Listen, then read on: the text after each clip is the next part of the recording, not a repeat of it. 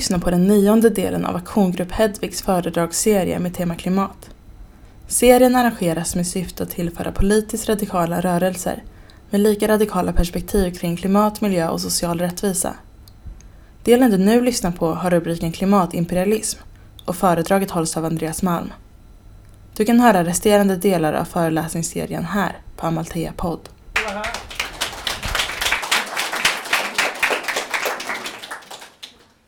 Eh, Tack för detta. Tack för allt fantastiskt jobb som eh, ni gör i, i Hedvig och Klimatfronten och Amalthea och allt annat. Eh, Jag gör inte så mycket aktivism nu för tiden. Jag ägnar mig åt armchair activism. Jag vet inte, finns det någon bra översättning på det? Man sitter i sin stol och leker. Länsstolsaktivism. Okej, jag, jag ska prata lite grann om eh, den globala uppvärmningen och dess förhållande till rasism och imperialism. Under året som har gått har det varit, som vanligt, en lång räcka extrema väderhändelser. Och eh, kanske särskilt många och spektakulära i USA. Där vi hade två stora orkansystem som slog till. Först i Texas, sen i Florida. Vi har haft eh, absolut exceptionella bränder i Kalifornien till exempel, på sista tiden. Och eh, varje gång det är en, en extrem väderhändelse i USA så blir det ganska mycket mediafokus. Jämfört med om det sker i ett land som till exempel Sierra Leone, där det bara dog tusen personer i en st ett stort jordskred samtidigt som, eh, jag tror att det var eh, eh Irma som slog till i Florida ungefär samtidigt. Och då var det väldigt mycket fokus på det, väldigt, väldigt lite när det är eh, en majoritet fattiga människor av mörk hudfärg i något land som uppfattas ligga långt bort från, från centrum av eh, världssystemets kultur. Eh, men det är också något speciellt med, med de extrema väderhändelser som träffar USA därför att de reser alltid frågan, kommer de att fatta det nu? Kommer de att få in i sina tjocka skallar att någonting inte är som det ska? Eller kommer de att fortsätta att förtränga fakta och hålla fast vid sitt klimatförnekande? Nu är det naturligtvis inte så att långt ifrån alla i USA är klimatförnekare, naturligtvis. Men vi har ju nu unikt en, en radikalt klimatilliterat regim i USA och vi har statistik som visar, nu kan det ha ändrats de sista månaderna, jag vet inte, men Eh, en trend under 2000-talet att färre amerikaner tror på klimatvetenskapen än under 90-talet. Trots att frekvensen av extrema väderhändelser ju har blivit otroligt mycket starkare i USA. Eh, härom eh, månaden kom det ut en roman som heter American War. Jag tror inte den blev översatt, en, översatt den till, till svenska. Den är skriven av Omar al-Akkad, en egyptisk-amerikansk författare. Och han föreställer sig ett USA på 2080-talet där ett nytt inbördeskrig har brutit ut mellan sydstaterna och nordstaterna. Därför att nordstaterna har förbjudit fossila bränslen. En stor del av sydstaterna ligger under vatten på grund av översvämningar, havsnivåhöjning, orkaner och så vidare. Men sydstaterna fortsätter ändå att insistera på sin rätt att förbränna fossila bränslen. Så när nordstaterna, eller federationen då, den federala regeringen, inför fossilbränsleförbud så bryter sig sydstaterna ut. På samma sätt som eh, när det, det riktiga inbördeskriget ägde rum i slutet på 1800-talet. Och eh, boken beskriver eh, några personer som, som blir indragna i den här konflikten. Och eh, den underliggande tesen, om man kan tala om en tes i en roman, är ju att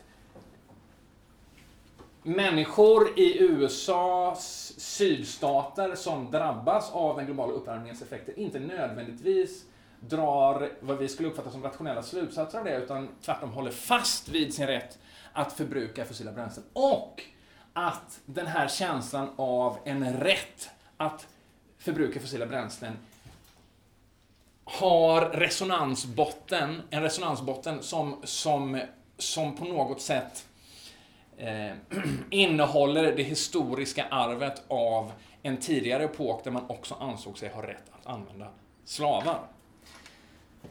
Och eh, det här är naturligtvis, eh, den här romanen är naturligtvis en, en kommentar, på, eh, en kommentar till den, den pågående politiska utvecklingen i USA där ju Donald Trump från sin allra första vecka i Vita huset gjorde det väldigt tydligt att han har två syften med sin, sitt presidentskap som går hand i hand.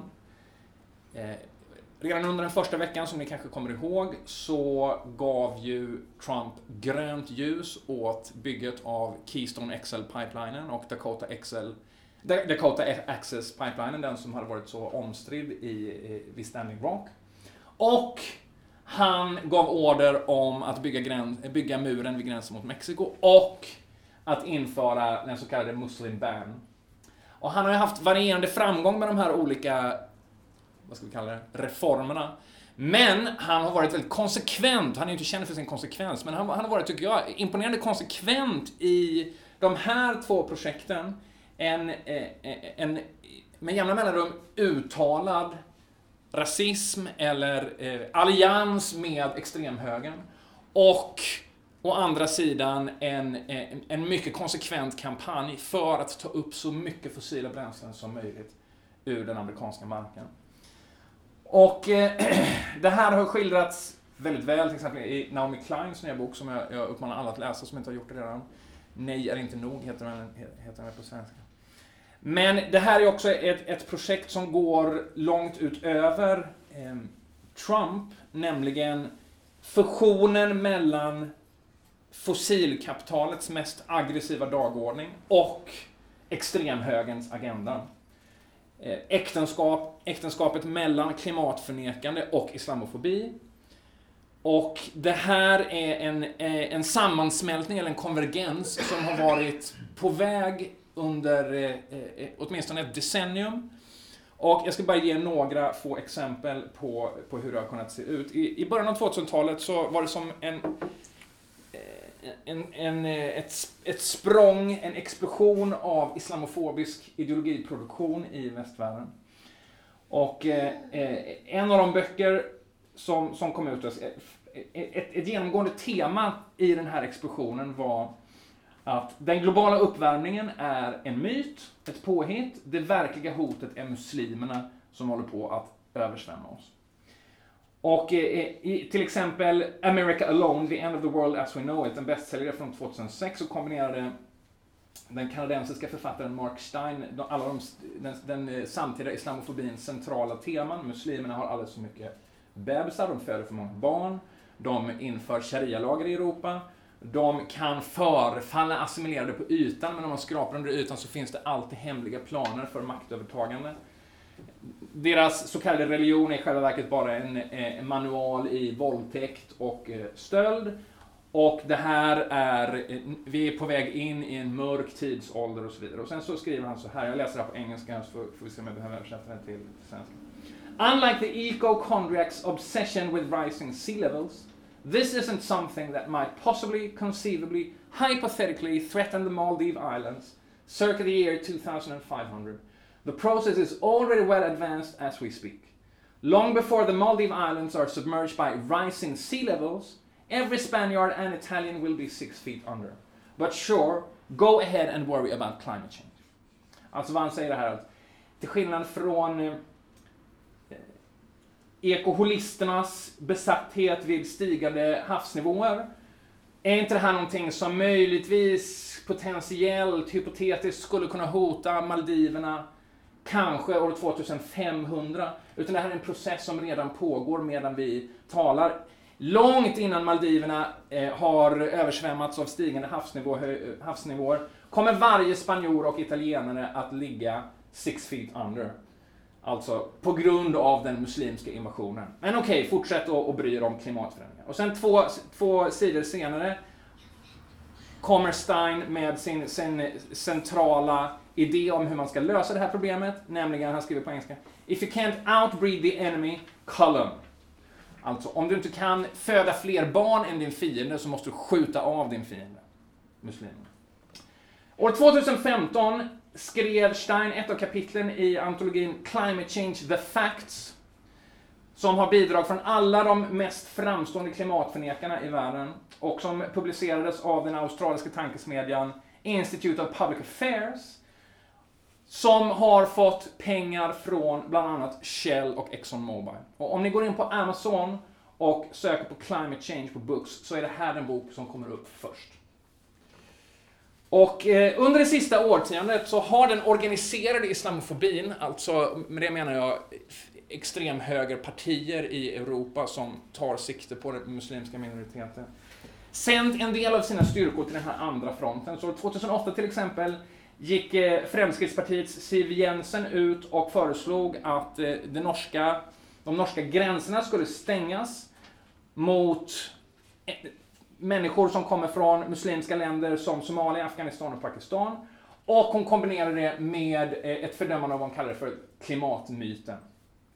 2013 sa Nigel Farage, ledaren för Ukip, att vi kan ha gjort ett av de största, klantigaste kollektiva misstagen i historien genom att bli så oroliga över den globala uppvärmningen.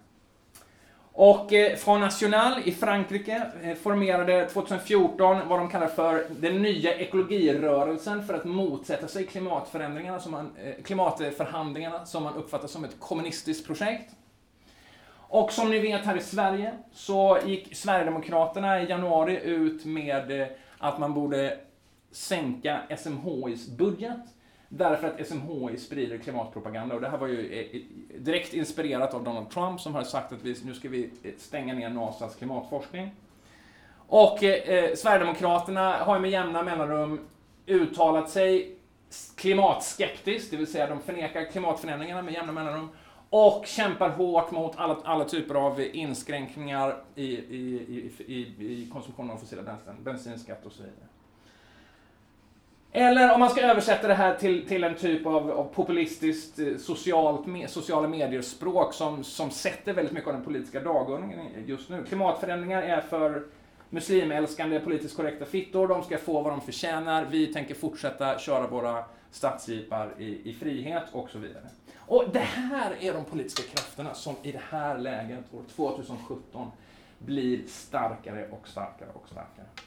När det arktiska ekosystemet befinner sig i, i, i en form av kollaps, när eh, karibiska öar ödeläggs och blir omöjliga att leva på, när byar i södra Bangladesh överges, när slumområden i Peru sköljs bort av eh, eh, störtfloder och så vidare, så är det de här politiska krafterna, en extremhöger som riktar sig mot muslimer, mexikaner, flyktingar och andra typer av andra, i kombination med ett förnekande av klimatvetenskapen som är den mest framgångsrika politiska kraften i vår del av världen.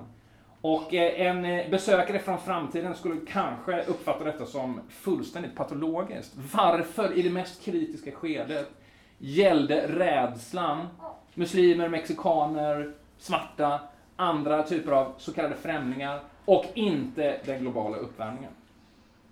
Men frågan är om det här bara är en, ren, en ren slump. Eller om det finns något djupare eh, band, någon historisk ett historiskt rotsystem som förenar de här två eh, strömningarna. Å ena sidan aggressiv fossilbränslekonsumtion och å andra sidan aggressiv propaganda eller, eller helt enkelt aggressivitet mot icke-vita. Och eh, eh det är egentligen det som jag ska fokusera på nu och eh, det är det som, som är eh, den imperialistiska komponenten i, i, i det här lilla snacket. Nu ska vi se Egentligen brukar jag köra det här snacket på engelska och det brukar gå snabbare än svenska, men eh, jag ska se om jag kan. Om ni, om ni har frågor eller invändningar så bara räck upp handen. Eh, en central fråga i forskning och diskussion om klimatförändringarna är vems fel är detta? Vem är det som har skapat den här situationen? Vem är det som har tänt den här elden som eh, brinner nu på olika håll i, på den här planeten. Ett, ett väldigt vanligt och populärt svar är att det är vi alla som har gjort det tillsammans. I diskussioner om antropocen, den här idén har ni säkert hört talas om, människans tidsålder, så finns det ofta en glidning från den helt korrekta observationen att det är mänskliga handlingar som nu styr planetens öde till en, en berättelse om att det är människan i allmänhet, mänskligheten eller till och med den mänskliga arten som har orsakat det här problemet. Och eh, jag ska bara ge, ge, ge, två korta exempel, jag kanske till och med nöjer mig med ett för att spara tid. Eh, en av de mest eh, omdebatterade böckerna om klimatförändringarna som kom ut förra året, The Great Derangement, Climate Change and the Unthinkable, skriver den indiska författaren Amitav Ghosh så här. Den globala uppvärmningen är den oavsedda konsekvensen av själva människans existens som art. Det är produkten av totaliteten av mänskliga handlingar över tid. Varje människa som någonsin har levt har spelat sin del i att göra oss till planetens dominerande art.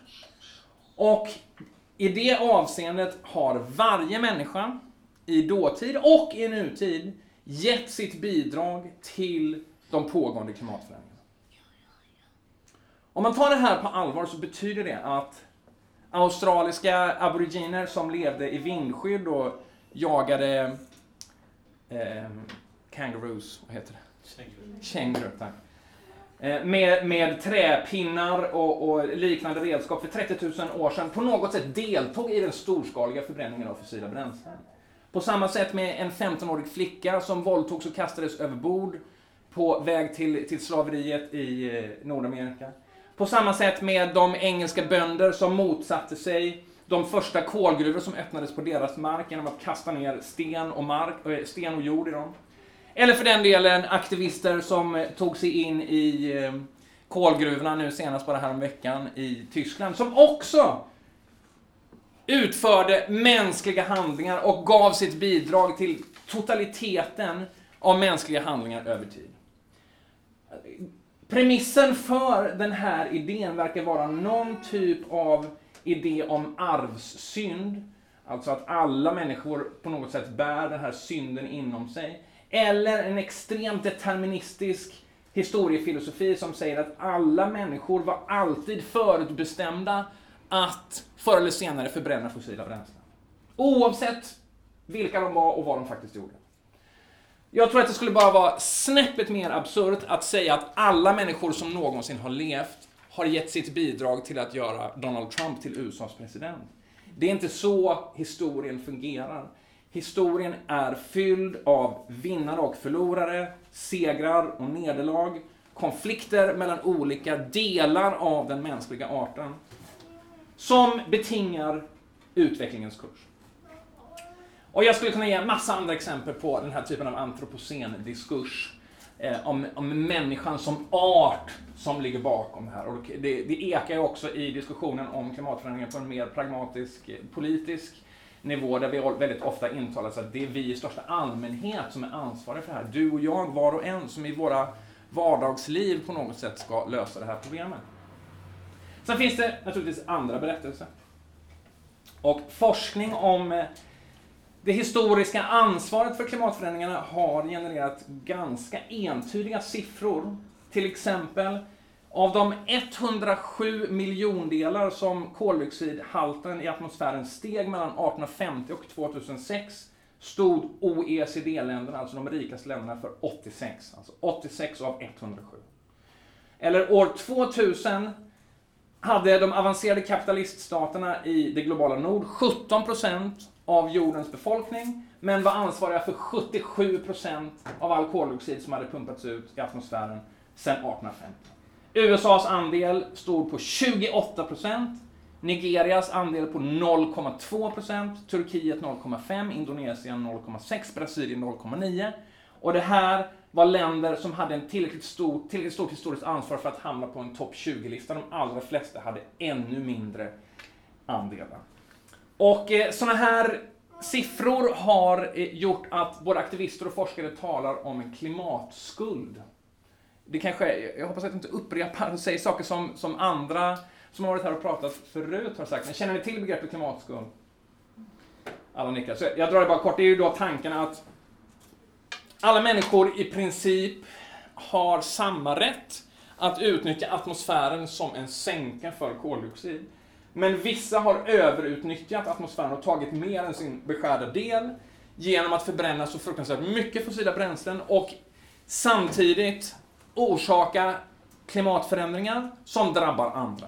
Och de här länderna då som har övertrasserat sina konton så att säga, sitter i skuld, i klimatskuld, till de som inte har konsumerat sin beskärda del, men som däremot drabbas av konsekvenserna av andras överkonsumtion. Eh, okej. Okay. Jag, vad jag vill göra är, är, att testa de här olika historierna lite grann genom att gå tillbaka till ett specifikt ögonblick. Nämligen det första mötet mellan den fossila ekonomin och människor i andra delar av världen än dess, eh, dess ursprungsland. Och den fossila ekonomin kan man enklast sett se som en ekonomi som befinner sig som i ett normaltillstånd i stadig tillväxt.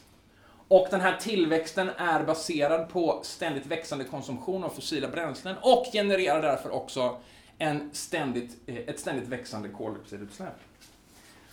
Och eh, eh, den här typen av ekonomi uppstod för första gången i Storbritannien. Man kan hålla på och diskutera hur länge som helst var kapitalismen uppstod, eller moderniteten, eller demokratin, men det råder ingen tvekan om att den fossila ekonomin har ett specifikt hemland, nämligen Storbritannien.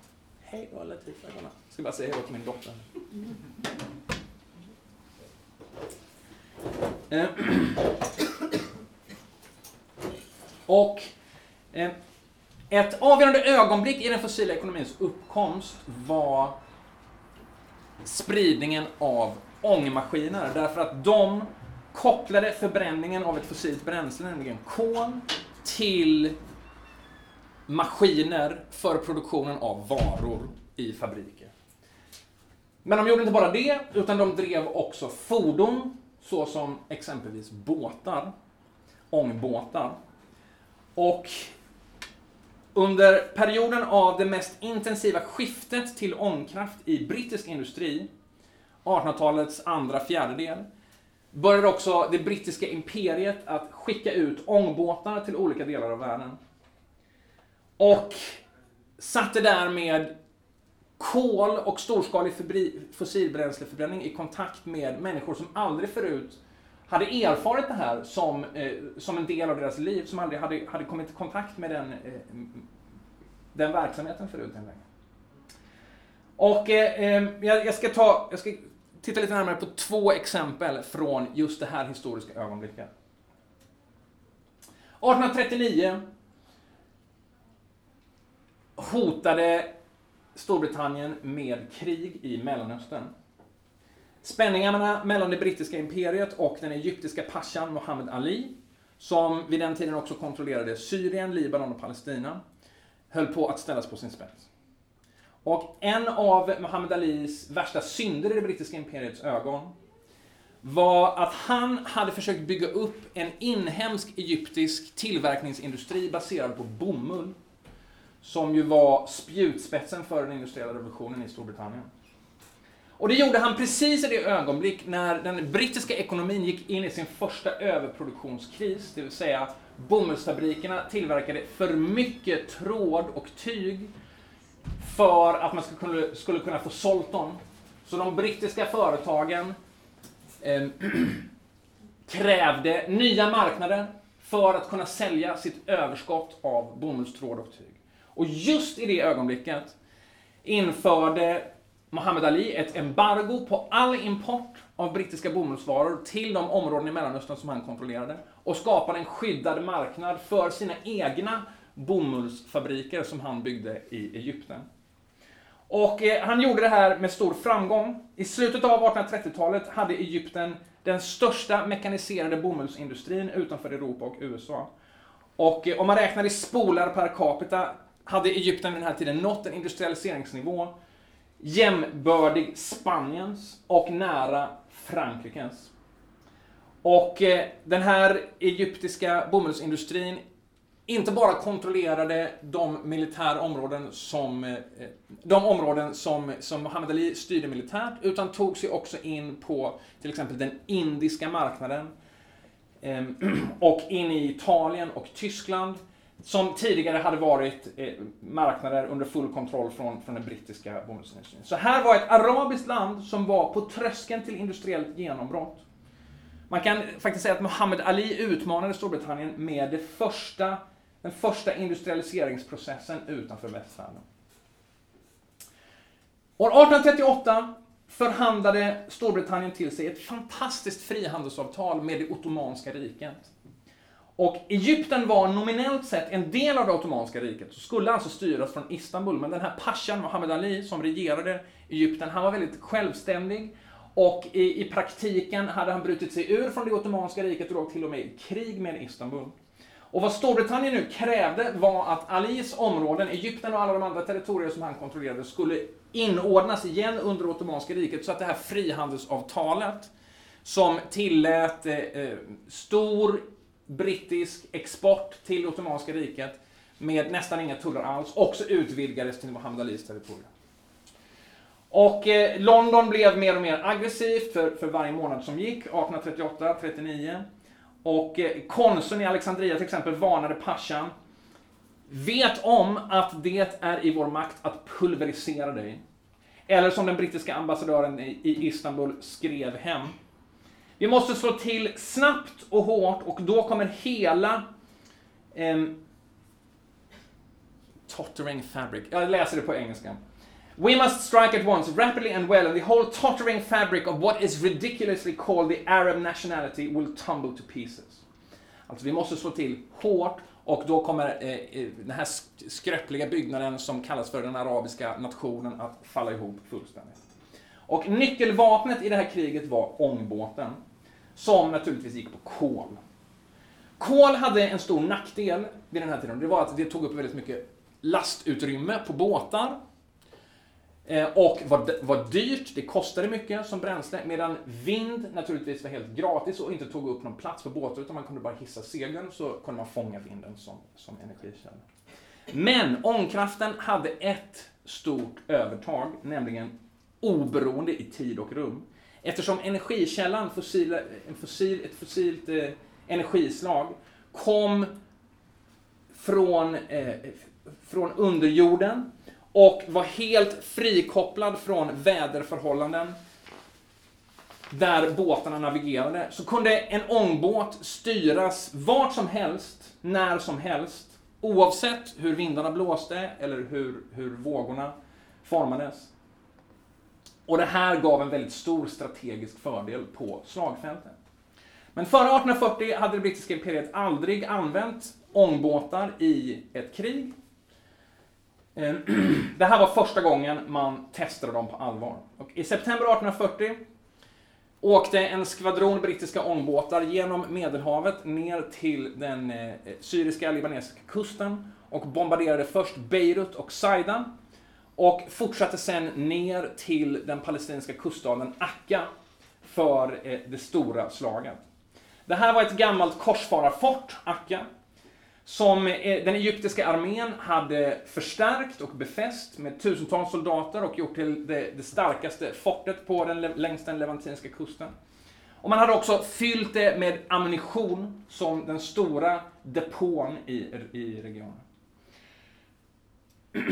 Tidigt i november 1840 kom den här skvadronen med fyra ångbåtar till Akka och några dagar senare kom hela flottan med segelbåtar också som hade blivit fördröjd av att vinden hade mojnat. Och flottan arrangerades framför Akka med ångbåtarna i mitten för att man skulle kunna dra maximal nytta av deras rörlighet. Och sen började man bombardera Akka. Och araberna som försvarade sig sköt tillbaka på de brittiska båtarna, men eftersom ångbåtarna Eh, rörde sig så snabbt och smidigt så kunde de undvika elden och förbli helt oskadda. Och sen hördes plötsligt en enorm detonation som sprängde igenom hela eh, scenen. Som en jättelik vulkan, ett jättelikt vulkanutbrott. Det var som en eh, vittnesmål beskrev det som en stor kolumn av rök och sot som steg inifrån staden. Och då var det en av ångbåtarna som hade träffat den stora ammunitionsdepån som hade eh, eh, exploderat helt enkelt.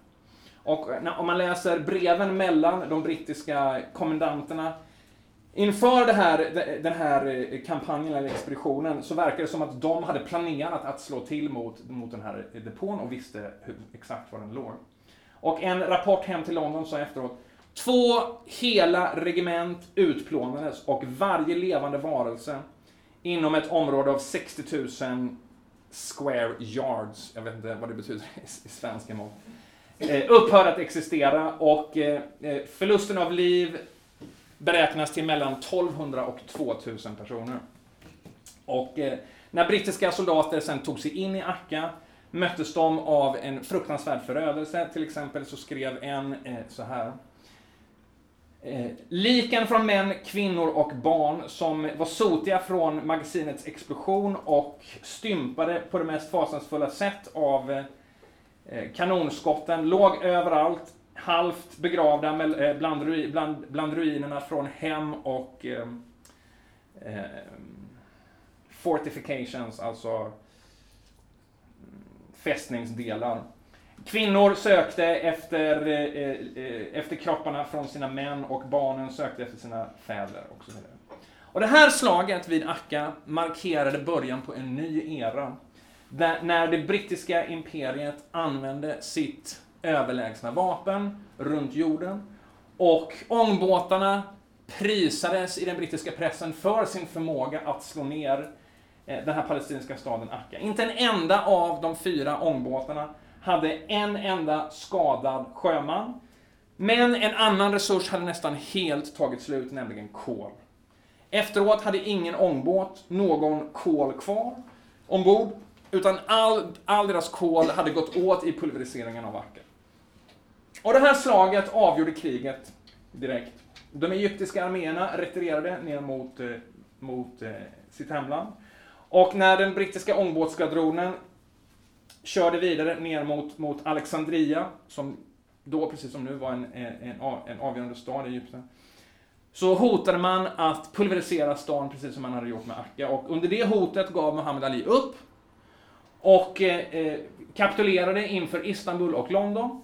Och det här frihandelsavtalet utsträcktes till Egypten och hela Mellanöstern och den egyptiska bomullsindustrin kollapsade fullständigt.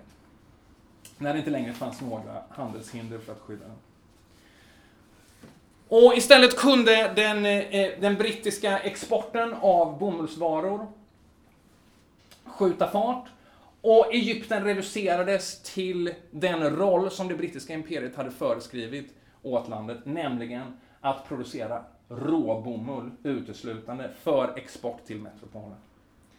Så det gick en rak linje från liken på stranden i Akka till bomullsfälten i Nildeltat.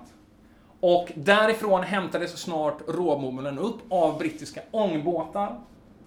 Därför att till följd av att det var en ganska kort distans att segla mellan Storbritannien och Egypten så var det här den första rutten att gå över helt från segel till ånga, därför att det var förhållandevis billigt att köra båtarna på den här sträckan med, med ånga. Så Egypten var den första internationella handelsdestination som gick över helt från vind till ånga. Och eh, inom två decennier efter kriget, alltså 18, runt 1860, så var hela den alexandrinska bomullshandeln ångbåtsdriven. Och till följd av den här, eh, de här händelserna så reducerades Egypten eh, förlåt, så, så genomgick Egypten den värsta, den mest extrema avindustrialiseringen någonstans under hela 1800-talet. Och eh, runt år 1900 bestod nära 100% av landets export av en enda vara, nämligen råbomull. Och det här var en, en ovanligt extrem specialisering. Så Muhammad Alis försök att skapa en, en oberoende industri utanför den västerländska sfären krossades av det brittiska imperiet genom att man använde och mobiliserade sitt överlägsna vapen, fossila bränslen. Eh, först militärt och sen använder man det för att också exploatera Egyptens resurser genom att eh, dränera landet på, på råvaror. Och det är naturligtvis det här långa, långa arvet som fortfarande än idag präglar Egyptens förhållande till resten av, av, av världen. Eh, Egypten blev under 1800-talet nedtvingat i rollen av eh, råvaruproducerande periferi.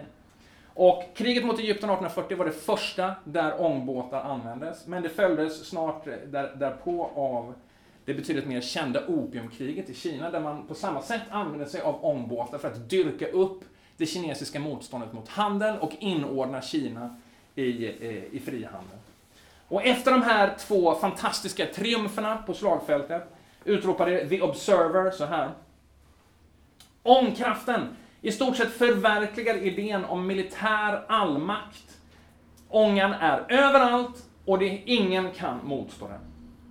Och The Mechanics Magazine, som vid den här tiden var en, eh, en tidskrift som lästes av väldigt många ingenjörer och fabrikanter, var ännu mer eh, entusiastisk och upphetsad och skrev så här, jag läser det här på engelska. Let war come to a conflict of steam engines and all the barbarian rabble of the world, Turks and Tartars, Arabs, Indians, Africans and Chinese, must obviously be out of question at once.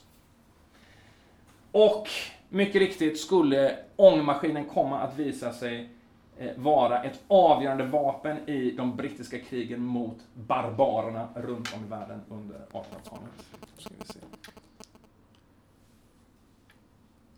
Har vi redan pratat i 45 minuter? Nej. Hur länge har vi pratat? 40? Jag vet inte vad klockan 19.44 står det. Nej, vi börjar kvart över. Okej. Okay. Eh, jag får försöka skynda på. Hänger ni med så här länge?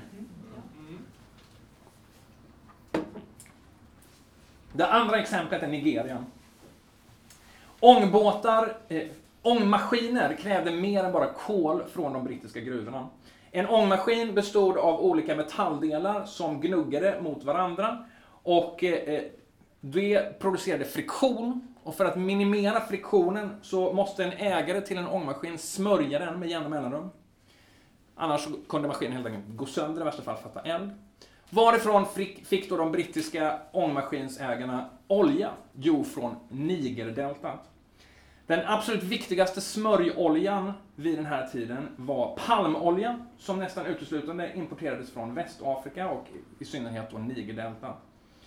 Och britterna eh, tyckte om att se på ångmaskinen som beviset för deras egen fantastiska genialitet. Eh, men i själva verket var ångmaskinen bokstavligen helt beroende av ett permanent inflöde av palmolja från Västafrika. Och den här palmoljan krävde ett väldigt, väldigt, eh, lång, en väldigt långsam process som nigerianska kvinnor arbetade med för att extrahera oljan ur palmnötten. Utan den oljan skulle ångmaskinerna och järnvägarna och spinnerimaskinerna och i stort sett alla andra maskiner i den industriella revolutionen bokstavligen ha eh, stannat. Eh, När den brittiska industrin mekaniserades i början av 1800-talet ökade naturligtvis efterfrågan på palmolja. Men precis som alla andra former av världshandel fram till den här tiden så hade handeln med palmolja drivits av segelbåtar. Och det här var eh, ett hinder för ökad handel. Därför att de brittiska segelbåtarna kunde inte segla upp längs Nigerfloden eh, mot strömmen. Och det gjorde att de tvingades stanna vid kusten och handla i, i, i utposter, kuststationer och komma överens med inhemska mellanhänder om vilka kvantiteter palmolja som de kunde sälja. Och det här blev en källa till irritation och frustration från de brittiska köpmännen därför att de inhemska mellanhänderna, hövdingarna, helt enkelt inte kom med tillräckligt stora mängder palmolja för att tillfredsställa efterfrågan. Lösningen var naturligtvis att penetrera, som man uttryckte det, rakt in i Nigerdeltat, där palmträden växte och där nötterna samlades in och helt enkelt ta sig förbi de här mellanhänderna in i eh, det inre av kontinenten så att man direkt kunde kontrollera produktionen av palmolja. Och det var såklart ångmaskinen som gjorde det här möjligt. En ångmaskin kunde ju köra upp för en flod därför att energikällan var oberoende av eh, vind och vågor på platsen. Ehm, nu hoppar jag lite grann här. Den första nigerianska, eh, den första ång, ångbåtsexpeditionen längs Nigerfloden, den eh, ägde rum 1832. Och eh, av naturliga skäl var invånarna längs Nigerfloden inte särskilt glada utan la sig i bakhåll och sköt på den här expeditionen. En av sjömännen som dog var faktiskt en svensk sjöman, jag vet inte hur han hamnade där. Eh, men eh, den här expeditionen slutade ändå med att eh, expeditionsledarna formulerade ett slags manifest för fossil imperialism. Eh, de skrev att ång, ångmaskinens makt har gjort det som tidigare varit svårt, eller till och med omöjligt, enkelt att åstadkomma. Och vi är dess ägare. Våra mineralrikedomar, alltså vår kol, och våra mekaniska vanor ger oss en överlägsenhet över alla andra. Och eh, den här visionen besannades. Eh, I början av 1850-talet började entreprenörer att eh, köra en ångbåtslinje mellan Storbritannien och Nigerdeltat. Och snart tog sig ångbåtarna upp längs Nigerfloden och samlade in stora mängder palmolja. Och det här ledde till en, en andra jätteboom i importen av palmolja till, till Storbritannien. Och det här ledde naturligtvis till motstånd från eh, eh, eh, vad vi idag skulle kalla negrianska folk som, eh, som fortsatte ligga i bakhåll längs floden och eh, det här motståndet var en central faktor i att Storbritannien på 1880-talet koloniserade hela Nigeria och ockuperade landet och gjorde det till en koloni. Till stor del återigen med hjälp av ångbåtar som det överlägsna eh, vapnet. Och jag skulle kunna ta många andra exempel, men jag hinner inte göra det, utan istället ska jag säga att vi, vi kan så här se eh, ett mönster som utvecklades genom en, en viss dialektik i tid och rum, som man kan summera så här. På grundval av en energikälla som var extern i förhållande till tid och rum, alltså som låg utanför den aktuella tiden och rummet. Fossila bränslen från eh, det förflutna som man tog upp från underjorden. Eh, med, på, på den grundvalen kunde ångbåtarna eh, göra det möjligt för sina ägare att till, eh, tillägna sig tid och rum som aldrig förut. Alltså arbetstid och markområden för produktionen av till exempel råbomull i Egypten eller palmolja i Nigeria. Och eh, ångbåtarna gav under 1800-talet ett avgörande bidrag till den moderna arbetsdelningen mellan en centrum, ett centrum och en massa periferier. Ett, ett vitt centrum i Europa och senare USA och en massa icke-vita periferier runt om i världen.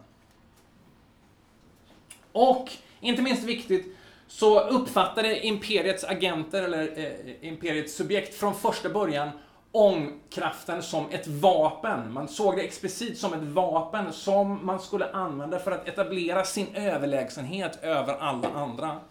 Över barbarerna runt om i världen. Och frågan är, vad sänder det här för ljus över frågan om vems historiska ansvar eh, det är? Och eh, jag får inte den här typen av historia att gå ihop med föreställningen om att människan som art har skapat det här problemet. Utan istället eh, påminner det mig om, eh, om, om Malcolm X kända uttalande om slavhandeln. Han sa så här på engelska. We were kidnapped and brought here against our will. We didn't land on Plymouth Rock. The rock was landed on us. Och människor runt om i världens periferier, egyptier, nigerianer, kineser, indier och många, många andra skulle kunna säga på samma sätt. Vi hade den fossila ekonomin påtvingad på oss mot vår vilja. Vi landade inte på kol från Newcastle, utan det var kol som kom och landade på oss. Och det här ligger naturligtvis i linje med alla de olika statistiska fynden som, som pekar på att de rika länderna i, i, i det globala nord har bär på eh, merparten av ansvaret för klimatförändringarna. Men det är, finns också en historia som, som inte har berättats om allt det våld som användes för att integrera resten av världen i den fossila ekonomin. Eh, och om, om vi ser det våldet så kan vi också, tror jag, se att klimatskulden går ännu djupare än bara att de rika länderna har förnekat fattiga länder utvecklingsutrymme. Utan från allra första början så har de rika länderna med hjälp av fossilbränslekonsumtion pressat ner de, som, de länder som vi idag uppfattar som utvecklingsländer, fattiga länder, i fattigdom. Eh, uppenbart i fallet Egypten där ångkraften var så viktig för att förhindra att Egypten blev ett industrialiserat, utvecklat land. Och idag är det samma länder i periferierna som drabbas hårdast av den globala uppvärmningens effekter. Om vi till exempel tittar på Egypten så är det ju så, det här kanske Shora har, har pratat om, att i den, det egyptiska eh, deltat, Nildeltat, hotas väldigt kraftigt av havsnivåhöjning. Och eh, om man tittar på södra Egypten, eller, eller det som kallas för övre Egypten, så gör temperaturhöjningarna där att jordbruket står inför en, en, eh, en, en eh, extrem kris. Eh, en, en ganska färsk studie i tidskriften Nature Climate Change försöker att kalkylera hur mycket den globala veteskörden kommer att minska för varje temperaturgrads ökning på jorden. Och eh, man kommer fram till att eh, den genomsnittliga förlusten kommer att vara 5,7% alltså att den globala veteskörden kommer att minska med 5,7% per temperaturgrad. Men i Aswan i övre Egypten så handlar det om en, ett bortfall mellan 11 och 20% alltså upp till eh, en femtedel av hela veteskörden går förlorad per temperatur, per, per, per grad. Och då ska vi ju veta att vi är på väg mot kanske en 3-4 femgradig höjning under det här seklet. Det är, handlar om ett, helt enkelt ett slut på jordbruket i övre Egypten. Eh, Nigeria pressas mellan å ena sidan stigande havsnivåer och å andra sidan norrifrån en avancerande öken. Och de här människorna som drabbas av det här, som ni vet, har sett väldigt, väldigt lite eh, har dragit väldigt lite fördelar av den globala uppvärmningen. Och det här är en serie funktionellt integrerade orättvisor där orättvisan inte bara kommer på slutet utan fanns med från första början. Alltså den, den fossila ekonomin byggdes på periferiernas ryggar. Och eh, det är ingen slump att till exempel människor i Egypten är väldigt mycket mer sårbara mot havsnivåhöjningar havsnivåhöjningen än människor i Holland. Ehm, centrum har helt enkelt byggt upp väldigt mycket mer biofysiska resurser för att anpassa sig än vad, vad periferierna har. Eh, ska vi se. Och allt det här tyder, som jag ser det, på att det som pågår vid, vid pyramidens botten är inte en slump och inte heller det som pågår vid pyramidens topp. Utan eh, förbindelsen mellan rasism och vit, eh, eh vit politisk och ekonomisk makt och fossila bränslen finns där från första början. Och eh, eh Trump och hans gäng av klimatförnekare vet någonstans om, som till exempel Naomi Klein har argumenterat, att deras privilegier hänger ihop med fossila bränslen och om vi ska fasa ut fossila bränslen så riskerar den pyramid där de sitter högst att falla ihop. Och det här gör att eh, eh, de, de största vinnarna på den fossila ekonomin benhårt håller fast vid sin rätt att konsumera fossila bränslen. Även om en massa människor runt om i världen förlorar livet och får sina länder eh, sönderslagna. Nämligen människor av en hudfärg som, som hela tiden har rankat som lägre än, än vita i den fossila ekonomin. Och det finns eh, väldigt mycket forskning nu som visar hur det här går till, eller hur det här fungerar.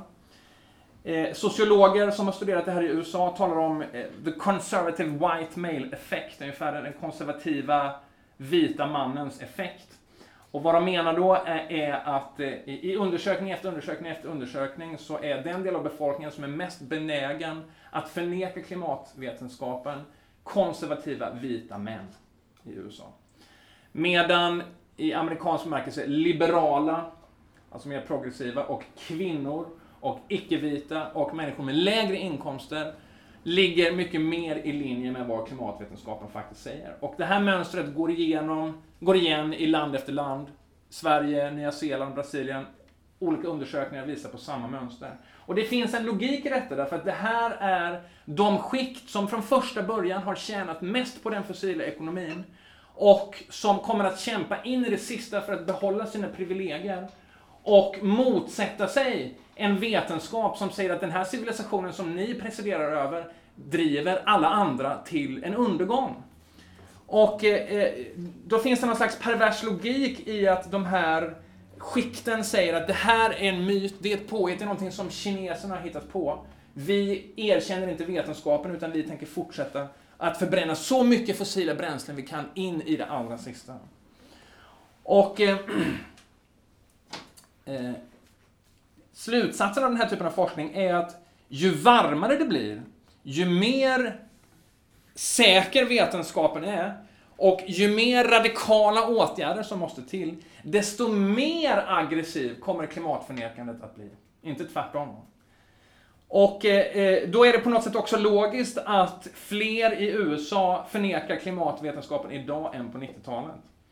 Och eh, tendensen med en ständigt allt starkare extremhöger eh, pekar också på att ju varmare det blir, desto, desto mäktigare kommer de politiska krafter som förnekar den globala uppvärmningen också att bli. Därför att de, de representerar på något sätt det sista försvaret för de privilegier som har byggts upp runt fossila bränslen. Och det, det, här finns också eh, en massa forskning som visar att höger-vänster-klyftan är extremt Eh, har ett extremt tydligt utslag i hur man förhåller sig till klimatvetenskap. Och det finns inga forskningsrön som pekar på någonting annat. Alltså, står du till vänster så är sannolikheten för att du erkänner klimatvetenskapen oändligt mycket högre än om du står till höger. Och ju längre till höger du står, desto mer eh, benägen att förneka klimatvetenskapen är du. Och vad ser vi då? Jo, vi ser 60 000 galna fascister ute på gatorna i Polen och eh, en extrem höger som vinner val efter val. Österrike, Tyskland och så vidare. Eh, så det kanske inte är så att extrema väderhändelser som i, i, i, USA, som vi har sett på sista tiden, kommer att öppna människors ögon. Det finns också forskningsresultat som tyder på att det finns ingen som helst koppling mellan personliga erfarenheter av extrema väderhändelser och Eh, ett erkännande av klimatvetenskapen. Om man är eh, benhård republikan i USA så har det ingen effekt att man själv drabbas av en skogsbrand eller en översvämning eller något liknande. Så hårt sitter skygglapparna.